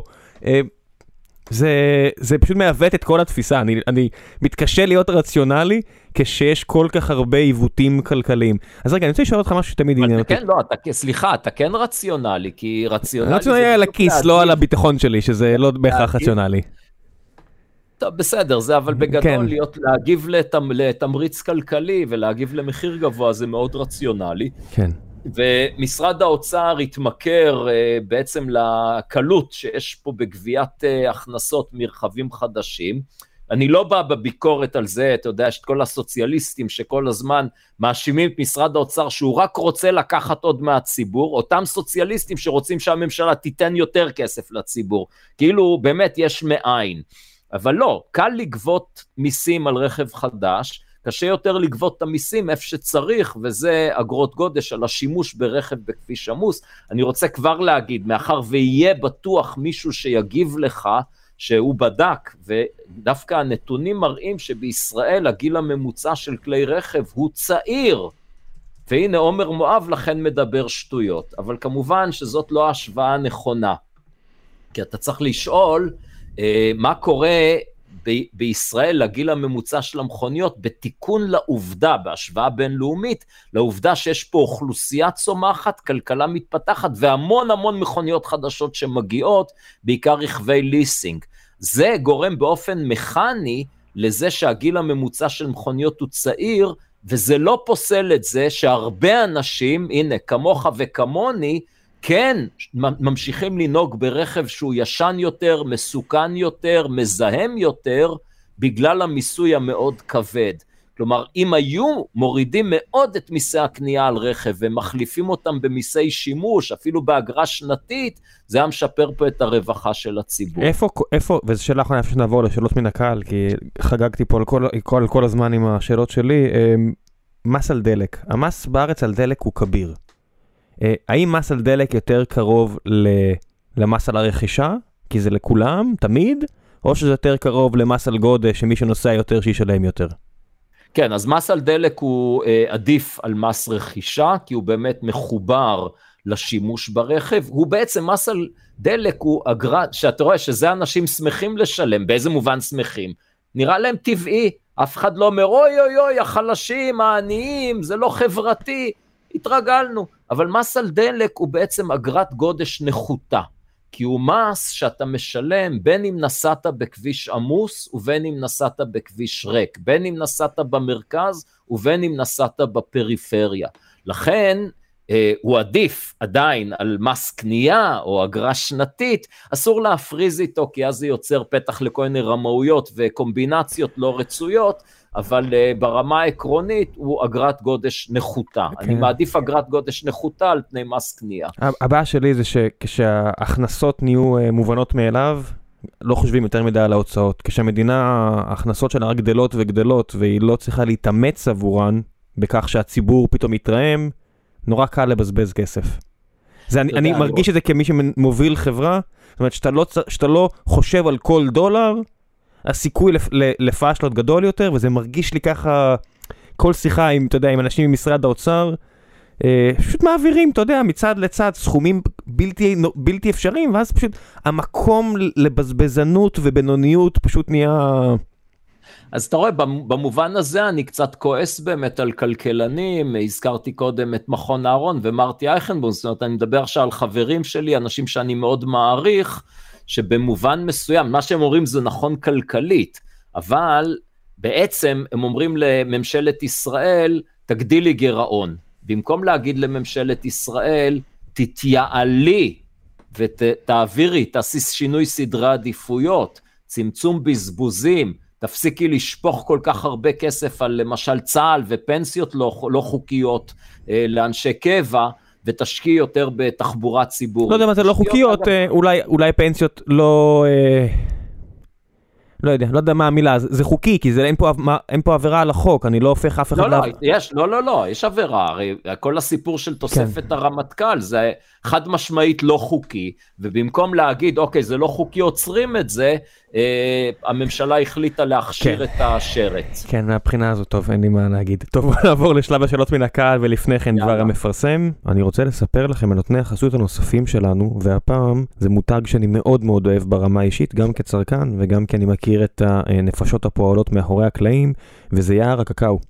יער הקקאו הוא בוטיק שוקולד, בעצם מפעל שהקימה בעשר אצבעותיה יערה קלמנוביץ', שגם התארחה בפודקאסט בעבר. המפעל מייצר שלל מוצרי שוקולד איכותיים וטעימים בעבודת יד. הם שואבים השראה מהטבע שסביבם ומשתמשים בחומרי הגלם האיכותיים ביותר, טבעיים, אם זה מחיות אגוזים טהורות, אה, פירות טריים ומיובשים בהקפאה, תבלינים עזי טעם. אין שם צבעי מאכל או חומרים משמרים, והתוצאות מדברות בעד עצמן. כמי שקונה את השוקולד הזה על בסיס קבוע, אני יכול להגיד לכם שזה פשוט מוצר ברמה אחרת. אני כל כך ממליץ לקנות פחות, אבל טוב יותר. ויש אצלם גם סדנאות שוקולד חווייתיות ומקצועיות לכל הגילאים, מגיעים אליהם גם משפחות עם ילדים שנהנים מאוד, גם זוגות וגם צוותים ביום כיף. כמובן שכל המוצרים שם כשרים, כל הנפשות המעורבות, אה, רובן המוחלט זה נשים דתיות, וזה כל כך כיף לראות שהם הרימו כזה דבר מדהים. בלי שום עזרה נגד כל הקשיים האפשריים, כל הדברים שקשורים לרגולציה בארץ, הם התמודדו נגד הכל ויכלו לזה.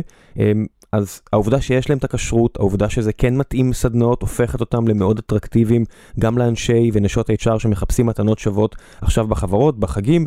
אה, כן חשוב לציין שיש להם גם בוט שמאפשר בכמה קליקים לצבור את יתרת הטנביס ובהמשך לנצל אותה באמצעות מוצרים או סדנאות וכמובן שגם מופיעים בטנביס.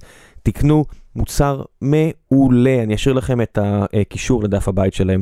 ועכשיו בחזרה אה, לפרק עם פרופסור עומר מואב, מקווה שאתם נהנים. אה, גיא גריב, איש יקר, שואל, האם היה מקרה שבו היית נחרץ בעמדתך כלפי סוגיה כלכלית כלשהי? בטח עדיף כזו שמבוססת על מחקרים מן הסתם ולא תחושת בטן, ובמבחן המציאות הסתבר שטעית. אה, וואו, לא, לא, לא שאני יודע. תכלס, אבל אתה יודע, אני בטוח שיש הרבה אנשים שמספיק אוהבים אותי כדי שאם הייתי טועה, הם כבר היו מדגישים את זה. אז אה, תראה, אני אגיד לך מה, ראם, אנשים נוטים לטעות בי, כי יש לי סגנון דיבור כזה קצת אה, מתלהם ובוטה. כן, כמוני כמוך. בסדר. ואנשים שמתלהמים ובוטים הם בהרבה מקרים לא זהירים, אבל אני מאוד זהיר במה שאני אומר. אני הרבה פחות זהיר ואני עושה טעויות, אבל uh, כי אני לא חוקר, אני קשקשן. אתה אשכרה יודע, אז אני לא. Uh, אנשים, uh, נתנאל למשל שואל, האם אתה רואה כשלים בניהול הכלכלה לבעיות בתכנון העירוני בארץ? לא בונים איפה שאנשים רוצים לגור ואיפה שכן, uh, ואין עירוב של שימושים ושילוב מסחר ומגורים.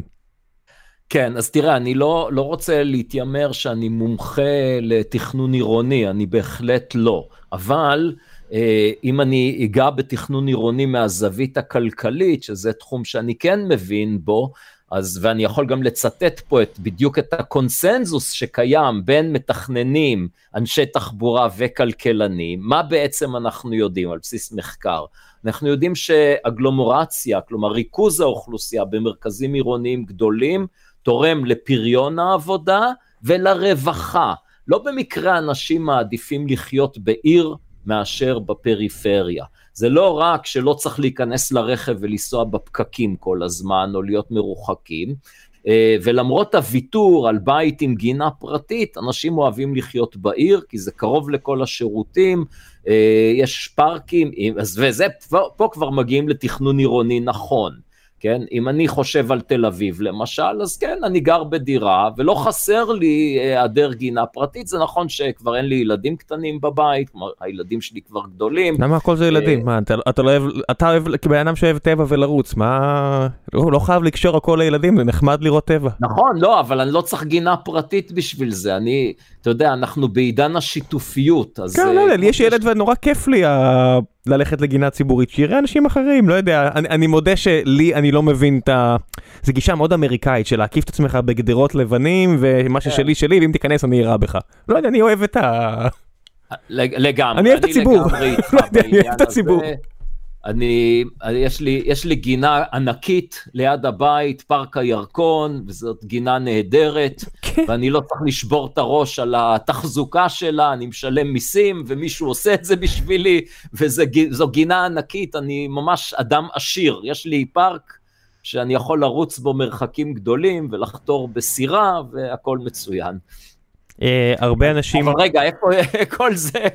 כן, תכנון עירוני. אז כן, אז אני חושב שהכיוון הוא אה, שאפשר, למשל בתל אביב, אפשר היה בתכנון נכון, ולהתגבר על כל מיני חסמים בירוקרטיים, להכפיל את גודל האוכלוסייה, תל אביב רבתי, ודאי גוש דן, אה, אפשר לחיות שם בצפיפות הרבה יותר גדולה, בניגוד לטעויות שאנשים אומרים, זה לא יגדיל את הפקקים, להפך. כשאתה גר במרכז אתה לא צריך רכב כדי לנסוע לעבודה, כשאתה גר קרוב לעבודה, אה, זה משפר את איכות החיים, זה יותר יעיל, זה יותר טוב לסביבה, כי לא צריך להוביל כל כך הרבה דברים למקומות מרוחקים, הכל בצורה מרוכזת. כמובן שאני לא בעד לכפות על אנשים לגור במרכז, אבל המדיניות של הממשלה, שבסדר, פעם בן גוריון אמר, צריך ליישב את הנגב, להפריח את השממה. היה, גם על זה עשיתי, יש פרק מצוין בפודקאסט שלי, שעוסק בדיוק, פרק שלם על הפרחת השממה. כן, אתה יודע, תמיד כשמספרים לי את זה, אני, אני אשלח את האנשים בפעם האלף לביוגרפיה של בן גוריון, ולראות איך הביאו חבילות לפולה, כי היא לא בדיוק זרמה על העניין הזה של לגור בצריף באמצע שום מקום, ואיך אה, רק בגלל שהיא פולה ולא סתם בן אדם, דאגו להביא לה חבילות מהעיר הגדולה, וגם כל הסיפור הזה של, פשוט באמת, הבן אדם באמת היה אידי, אידיאליסט, אבל הוא גם... היה קשקשן לא קטן, בסדר? להפריך את השממה. טוב, יש גם, יש גם חסרונות בשממה. תשמע, אה, אה. יש חתן, אה, זכרו לברכה, קנט אירו, אחד מהאנשים החכמים ביותר שחיו במאה ה-20, חתן פרס נובל, יהודי, הגיע לישראל המון, והוא מספר שבשנות ה-60, הזמינו אותו לאיזה כנס שעסק בהפרחת השממה, וביקשו ממנו לשאת נאום. ואחרי שהוא אמר את מה שהוא אמר, רצו לזרוק אותו מהארץ, כי הוא אמר, הדבר הכי טוב שתעשו עם השממה זה שתניחו לה. לא צריך כל מקום להפוך את הטבע לבטון, זה הפרחת השממה הרי. זה מיותר לחלוטין, זה מזיק, זה פשוט טעות. אז מילא, היום אנחנו יודעים את זה כבר. ואתה רואה שהפוליטיקאים ממשיכים להזרים תקציבים, לעודד אנשים לעבור לפריפריה, אנחנו יודעים, מחקר מראה את הנזק שהדחיפה של עולים חדשים, בין אם זה עדות המזרח שעלו בשנות החמישים, בין אם האתיופים שהגיעו עשרות שנים מאוחר יותר ודחפו אותם לפריפריה, עשו להם נזק, ממש מראים את זה במחקר. אז למה להמשיך עם הגישה הזאת? למה לדחוף אנשים לערי שינה, שהם צריכים אחר כך לנסוע ברכב כדי לעבוד במרכז? התשובה שלי תהיה זה שתלוי מאיזה נקודה מסתכלים, זאת אומרת אם אתה מסתכל על שנות ה-50 וה-60 אז באמת אה, אה, ירוחם או שיכונים בבאר שבע וכו', אם אתה מסתכל עוד כמה עשרות שנים אחורה זה הפרחת השממה במובן של הקמת המדינה שלא היה פה כלום, זאת אומרת הסיבה שמדינת ישראל לא הייתה כרך גדול והיה פה בסך הכל אובייקטיבית מעט מאוד אנשים, זה כי היה פה ביצות והיה פה אזור לא הכי נעים, אז היה צריך אה, להפוך אותו למקום אה, שאפשר לגור בו, ובאמת, אתה יודע, יש, יש זמן ועת לכל דבר, זה מה שאני אגיד. בדיוק, אני מסכים לגמרי, בוודאי שבשנותיה הראשונות של מדינת ישראל, עוד לפני הקמת המדינה, אז ההתיישבות לאורך הגבולות היוותה חלק מאוד חשוב בהקמת מדינת ישראל. אתה יודע, שוב, אם מישהו רוצה להתווכח איתי על זה, סבבה, שיתווכח, זה לא הנקודה, אבל דברים השתנו. להגיד היום שאיזשהו קיבוץ ליד הגבול או מושב ליד הגבול, הוא שומר על גבולות מדינת ישראל, פשוט לא נכון עובדתית. כן? יש לנו צה"ל, צבא חזק, הוא שומר על הגבולות. כן, אתה היית בקליה, אתה יודע טוב מאוד, היית ליד גבול ירדן פחות או יותר. אתה יודע, כאדם צעיר יותר. אמרתי בגופי על מדינת ישראל. תודה רבה על שירותך בתור מגן אנושי מול החבר'ה שם בירדן. מה שאני אגיד, כמי שבאמת גדל בבאר שבע, זה במקום לפתוח עוד ועוד יישובים, שאני מבין גם, ויש לי גם חברים שמאוד אוהבים אותך, שגרים בחלק מהיישובים החדשים האלה, דש חם לכל החבר'ה האלה שמאזינים לנו עכשיו. צריך להרחיב את המקומות האלו. זאת אומרת, עיריית באר שבע, תעזרו לה להפוך למקום שייתן קונטרה לתל אביב, תעזרו לירושלים, תעזרו לחיפה, מה שצריך, במקום לבנות עוד ועוד יישובים חדשים, כל העלויות הכרוכות בכך. זאת אומרת, אני מסתכל על מקום כמו חיפה, ואני, כל פעם שאני מגיע לשם, אני רק חושב, איזה בזבוז של פוטנציאל. אני לא יודע, זה מקום ליד הים, יש, יש מסחר, יש הכל, משהו חסר, הייתי פותר, אני לא יודע, אין לי פתרונות, כן, כי אני לא באמת מבין בזה, אבל אני חושב ש... הרבה יותר נחמד היה אם חיפה הייתה הופכת לאלטרנטיבה ראויה יותר לתל אביב, מאשר עוד יישוב באמצע שום מקום. לגמרי, אני רוצה באמת שלא, שאני לא אובן לא נכון, אני חושב שבאמת הגישה הנכונה, גם כלכלית, גם תכנונית אה, עירונית, גם תחבורתית, היא לא שכולם צריכים לגור בתל אביב רבתי בגוש דן, אלא שצריכים שיהיו מרכזים. לכן באר שבע זה לא טעות, חיפה זה לא טעות.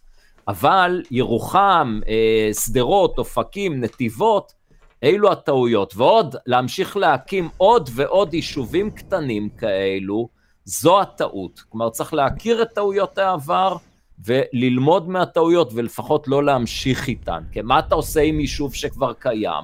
בסדר, אז אני לא יודע באמת, האם לייבש אותו, האם, אבל האם לשלוח עוד אנשים? בוא נכיר שזו גישה שגויה. כן. ונחשוב בצורה כזו. בוא נעשה עוד שאלה אחת אחרונה ואז נחזור ל day job. אה, דימיטרי אה, שואל, דימיטרי ברד, ד... אני חושב שככה קיוויתי, לא, בטח לא ביטאתי את זה נכון. האם צריך להיות דירקטור מטעם עובדים בדירקטוריון חברה? זאת אומרת, יש פה עניין שזה חלק ממגמה עכשיו, שאני הייתי, אה, לא יודע, בטקסס אינסטרומנט לפני איקס שנים, והגיעו חבר'ה מהתאגיד, אז הדריכו אותנו שאם שואלים אותך מה מטרתך בת, בת, בתפקיד, אז כמו ילד טוב, גם כמהנדס חשמל, לא יודע מה, תגיד, להשיא תשואה לבעלי המניות, רק באנגלית.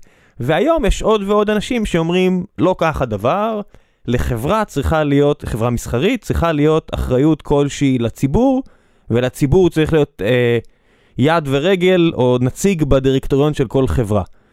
מה דעתך על התפיסה הזו? אני חושב שזו תפיסה שגויה, היא תפיסה שבסופו של דבר פוגעת ברווחה של הציבור. אני, בוא אני, אני אקח אותך לדוגמה יותר פשוטה, כדי להתחיל להבין את הדברים האלו. את ההבדל באמת בין ראייה של קצרת טווח, ומה שכלכלנים קוראים שיווי משקל חלקי, לבין ראייה ארוכת טווח. אה, בוא ניקח למשל את התופעה של ארגוני עובדים במגזר הפרטי. אה, הרי קל נורא להסביר למה ארגוני העובדים בישראל במגזר הציבורי אין בינם לבין החזון המרקסיסטי אה, דבר וחצי דבר. מה הרעיון של ארגוני עובדים? הרעיון הוא שאתה, מצד אחד יש לך את בעל ההון שיש לו המון כוח וכל עובד בנפרד אין לו שום כוח, אז כדי ליצור איזון בין הכוח של המעסיק בעל ההון לבין הכוח של העובדים, העובדים צריכים גם להתארגן. אתה מסתכל על המגזר הציבורי בישראל, אז כמובן זה עובדים חזקים מול ציבור חלש, זה לא מול בעלי הון. אבל הנה המגזר הפרטי, למה לא אה, לאפשר ולעודד ובאמת בחקיקה, שהיא אגב מאוד מאוד קיצונית בישראל, אה, של הגנות על זכות השביתה בהשוואה למדינות אחרות. פה אני יכול להמליץ גם על אה, פרק רלוונטי בסדרה של פרקים בפודקאסט, וגם אה, על אה, שני מאמרים שכתבתי עם שותפים בכתב העת תכלת, אחד זה על באמת משווה את זכות השביתה בישראל למדינות נוספות, ועל אה, ביטחון תעסוקתי, כלומר קביעות. אה, אבל בואו נמשיך רגע עם ההשלכות של ארגוני עובדים במגזר הפרטי, ואני טוען שלתת כוח לעובדים בדירקטוריונים, אני לא נגד, אבל זו צריכה להיות החלטה של בעלי החברה, האם הם רוצים לאפשר את זה או לא, ולא לכפות את זה. כל כפייה שמגדילה את הכוח של העובדים מול בעלי, אה, מול המעסיקים, היא בסוף פוגעת בעובדים אחרים בכלכלה. אז בואו נבין את המנגנון. אה, נניח שאתה יודע שמחר אתה מקים חברה פרטית, וכל כך קל לעובדים להתארגן, שבוודאות יש שם ועד עובדים, והוועד עובדים הזה נכנס איתך מיד למשא ומתן קיבוצי, ויכול לגבות שכר בהתאם לרווחים שלך. עכשיו בוא נהיה לארג'ים, נגיד שהעובדים באמת מבינים שהם לא יכולים להפריז בדרישות, כי אז אתה תפשוט את הרגל. אז מה אכפת לנו? יש עסק, אז בסך הכל העסק הזה רווחי, אז העובדים יקבלו יותר, ובעל העסק יקבל פחות. מה רע בזה? מה שרע בזה, זה שזה פוגע מאוד בתמריץ של אנשים להקים עסקים. עכשיו, הנושא הזה הוא קריטי. מאיפה יש לנו צמיחה כלכלית? מאיפה יש לנו אנשים שמציעים לנו משרות, לנו השכירים? מאיפה יש לנו מוצרים ושירותים? כל זה תוצאה של אנשים שבשלב מסוים לקחו יוזמה, לקחו סיכון, השקיעו והקימו עסק. והאנשים האלו, לשמחתי הרבה, הם בממוצע נאיביים ואופטימיים יתר על המידה. רוב העסקים... שמעתי על זה, כן. קרה שאמרתי, אמרתי פעם או פעמיים דברים למשקיעים שהם היו אה, אופטימיים על יתר המידה. כן, זה, זה טבעם של חלק מהאנשים. אבל מה עומד מאחורי האופטימיות הזאת? אתה יודע, בן אדם יש לו חלום, אני אקים מסעדה. מה עומד מאחורי האופטימיות הזאת, למרות שאתה יודע שאני חושב שסדרי גודל של 90% מהמסעדות נסגרות תוך שנים בודדות. כן. כלומר, רוב מי שמקים מסעדה הולך להפסיד הרבה כסף. עומד הסיכוי להצליח. שאני אצליח, זה לא רק שיהיה לי כיף שאנשים יוכלו, יבואו בהמוניהם ויחמיאו לי על האוכל והשירות. לא, אני גם אעשה הרבה כסף. אבל אם אתה יודע מראש, אתה לא תעשה הרבה כסף גם אם תצליח. כי העובדים יתארגנו ויקחו לך את רובו, אז הרצון להקים עסק יורד מאוד. ובסופו של דבר, קל להראות בכל מודל סביר, שזה פוגע ברווחה של הציבור. אז באמת שאלה אחרונה, כי זה משהו שהתייחסת אליו וקיווית שאני אשאל, אז אני אשאל, הם, מה זה בעצם רווחה? זאת אומרת, היום יש ענפים בכלכלה שמתייחסים לאושר עם א', למשל, וזה גם מושג שהוא אולי אחד הקשים ביותר. שאתה יודע, אלפי שנים כבר חוקרים אותם uh, ברמה הפילוסופית. Uh, אז יש כל מיני מדדים כמו תמ"ג לנפש, ואיתי גפן שאל על זה, איך מעודדים רווחה בכלל? מה זה רווחה? שאלה מצוינת, ויש המון ביקורת על כלכלנים, שאנחנו, במקום לעסוק ברווחה של בני אדם, אנחנו עוסקים בכל מיני מושגים כמו יעילות וצמיחה ותוצר, ולא אכפת לנו בני אדם. אבל uh, כמובן שהטענה הזאת היא שטות מוחלטת. Uh, קודם כל, כשכלכלן אומר יעילות, uh, צריך להבין מה זה יעילות. ההגדרה של יעילות עוסקת ברווחה של בני אדם. Uh, רק על קצה המזלג, הקצאה יעילה היא הקצאה שבה לא ניתן לשפר רווחה של אדם אחד בלי לפגוע באדם אחר. אתה רואה? כלומר, גם יעילות זה רווחה. אה, אבל כמובן שאם אתה חושב על מה גורם לאושר לאנשים, אושר באלף, שזה מה שחשוב, כן? כל השאר זה אמצעים או רווחה, אז זה כמובן לא רק ההכנסה הריאלית ויכולת הקנייה והפיתחון, זה גם איפה אתה חי, עד כמה אתה אה, חשוף לאוויר מזוהם.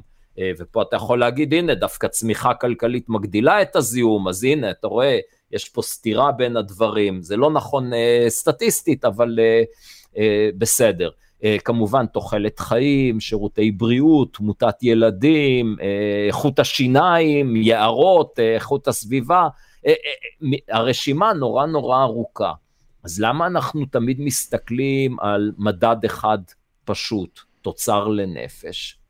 כי יש קורלציה מאוד מאוד גבוהה בין כל המדדים, כמעט, כמעט כל המדדים, לבין תוצר לנפש. למעשה, אם עושים גרף שעל ציר אה, על הציר האחד יש את התוצר לנפש ועל הציר השני אה, את, ה, את מדד הפיתוח החברתי, אז רואים שזה פשוט אחד לאחד כמעט. כלומר, ככל שמדינה, זה הנתונים, ככל שהתוצר לנפש יותר גבוה, תוחלת חיים יותר גבוהה, אה, האוויר שנושמים יותר נקי, הגישה למים נקיים יותר טובה, כל מדד, איכות הבריאות, איכות החינוך, החופש, כל המדדים. אני הזכרתי קודם שיניים, זה אחד מיוצאי הדופן, שבודקים כמה אה, עששת יש לילדים בפה, אז הקשר פה הוא דווקא קשר יותר מורכב, ובמדינות עשירות יש לילדים שיניים טובות. ובמדינות הכי עניות גם יש לילדים שיניים טובות, ובאמצע זה... כן, על, אני חושב שעומר, יש פה, זה, זה אחת הבעיות שקראתי, זה משפט ש-90% מה... מהעבודה של הרפואה המודרנית היא לטפל בכל החולי שנוצר בגלל העולם המודרני. זאת אומרת, אז זה, זה כאילו קלישאה, אבל בסופו של דבר אנחנו אוכלים חרא, ואנחנו אה, לחוצים, וכל המסכים לא תורמים לנו, ואז יש גם פגיעה בשינה, ויש פה כל מיני אה, פגיעות שהן, אתה יודע, התיעוש מקל עלינו לפגוע בעצמנו. אה, אז זה מתקשר גם לשיניים, זאת אומרת ההרחבה של השיניים היא שפשוט נורא נורא קל היום אה, לפגוע בבריאות שלנו מאי פעם, למרות שהיית אומר שנורא נורא קל היום להיות בריאים. נכון, נכון. בפועל הכל נכון. קשה, זו האמת. נכון. אתה יודע, מישהי בדיוק שאלה אותי בחדר כושר, זה עורר אצלי מחשבות. היא אמרה, איך אתה מצליח לשמור על משקל? ואמרתי לה, תראי, זה די קשה באמת להקפיד לאכול הרבה. אתה מבין שכשאומרים בחברה המערבית המודרנית, איך אתה מצליח לשמור על משקל, הכוונה איך אתה נמנע מלאכול, איך אתה מוציא יותר קלוריות ממה שאתה אה, כן. צורך. יש מגפה של אבל... השמנה, מגפה של השמנה במובן של, זה פשוט כן. נהייתה בעיה בריאותית מאוד מאוד רחבה. התשובה אה, שהייתי נותן לפני 100 שנים. כי לפ... עד לפני מאה שנים ולאורך אה, מאות אלפי שנים שקיים ההומו ספיאנס ועוד אה, אבותינו קודם לכן. לכל יצור בטבע שנים. קשה להשיג קלוריות. זה בדיוק. לאורך בדיוק. כל ההיסטוריה, מאה, מיליארדי שנים. אצלנו חל היפוך. כן. ופתאום הבעיה שלנו זה להיפטר מקלוריות, לא להשיג קלוריות. כן, רק שהגנטיקה לא זזה כל כך מהר. אתה יודע, הגנטיקה לוקח לה הרבה הרבה שנים, אז כן, אז העניין הזה של סוכר, זה, וזה מה שרציתי להביא, אל תחפשו וציינו את זה, אל תחפשו, זה לא מתמטיקה. תשובות כלכליות מתייחסות לבני אדם, בני אדם משתנים, ולפעמים יחסית מהר, אל תהיו דוגמטיים מדי, תחשבו. זאת אומרת, זה, בגלל זה אני כל כך נהנה לשמוע אותך, כי דברים הם מוסברים, זאת אומרת, יש רציונל, יש חשיבה לוגית סדורה. ואם משהו בשלב הזה נשבר, אז אפשר לקיים את הדיון מחדש. אם משהו השתנה באלף הוביל לבית, הוביל לג', הוביל לד', משמע ככה, אז אפשר לקיים את הדיון מחדש, אבל כשדברים פשוט נזרקים קפיטליזם זה טוב, סוציאליזם זה רע, זה ככה, זה ככה. אין, אין טעם אפילו לנהל את הדיון, זה מטופש. כן, אני מסכים, בהרבה מקרים באמת הוויכוח סוציאליזם מול קפיטליזם, אה, אז אתה יודע, סתם, זה מין היאחזות בסיסמאות, וזה מיותר. בדרך כלל כשאנשים אומרים לי קפיטליזם זה רע, אני אומר להם, אתם יודעים מה, אתם צודקים. הכל טוב. עדיין, השיטות האחרות גרועות יותר, כן, כן כמו הקלישאה על הדמוקרטיה. אוי, אגב, כן. הזכרת קודם מדדי רווחה, אז הזכרת עושר, עושר באלף. כמובן שאנחנו לא יודעים... אה, למדוד בצורה. אנחנו לא יודעים אפילו להגדיר את זה. אתה מדבר על למדוד את זה, תגדיר את זה קודם לפני שאתה מודד כן, את זה. אוקיי, זה נורא קשה. אז הנה, בלי להגדיר, אני כן יודע למדוד את זה, למרות שהמדידה היא כמובן מאוד סובייקטיבית. כן. אני שואל, אז אנשים עושים את זה, יש המון המון סקרים כאלו, שואלים אנשים, והתוצאות מרתקות, וכנראה לפי הסטטיסטיקות, התוצאות הן לא חסרות משמעות. לא. כלומר, אתה שואל אנשים, תדרג את, ה, את רמת העושר או השביעות רצון שיש לך מהחיים מ-1 עד 10, אז קודם כל יש קורלציה מאוד גבוהה עם uh, תוצר לנפש. במדינות עניות העושר הממוצע הוא 2-3, במדינות עשירות זה 6-7. Uh, אה, הסקנדינביות בולטות בעושר החיובי שלהם. Uh, אתה מסתכל, ישראל, אגב, אנחנו עם של מאושרים. מי הכי מאושר בישראל? כנראה החרדים. שם אני די חושד שזה באמת טיפה, א', יכול להיות שהם באמת מאושרים, שמין חיים כאלו של, אתה יודע, אתה לא צריך לקבל החלטות אה, דרמטיות, הכל כזה, יש הנחיות, אולי זה תורם לאושר. אה, זה מצד אחד. ומצד שני, יכול להיות שאתה מחויב מבחינה דתית להגיד שאתה מאושר, שטוב לך בחיים.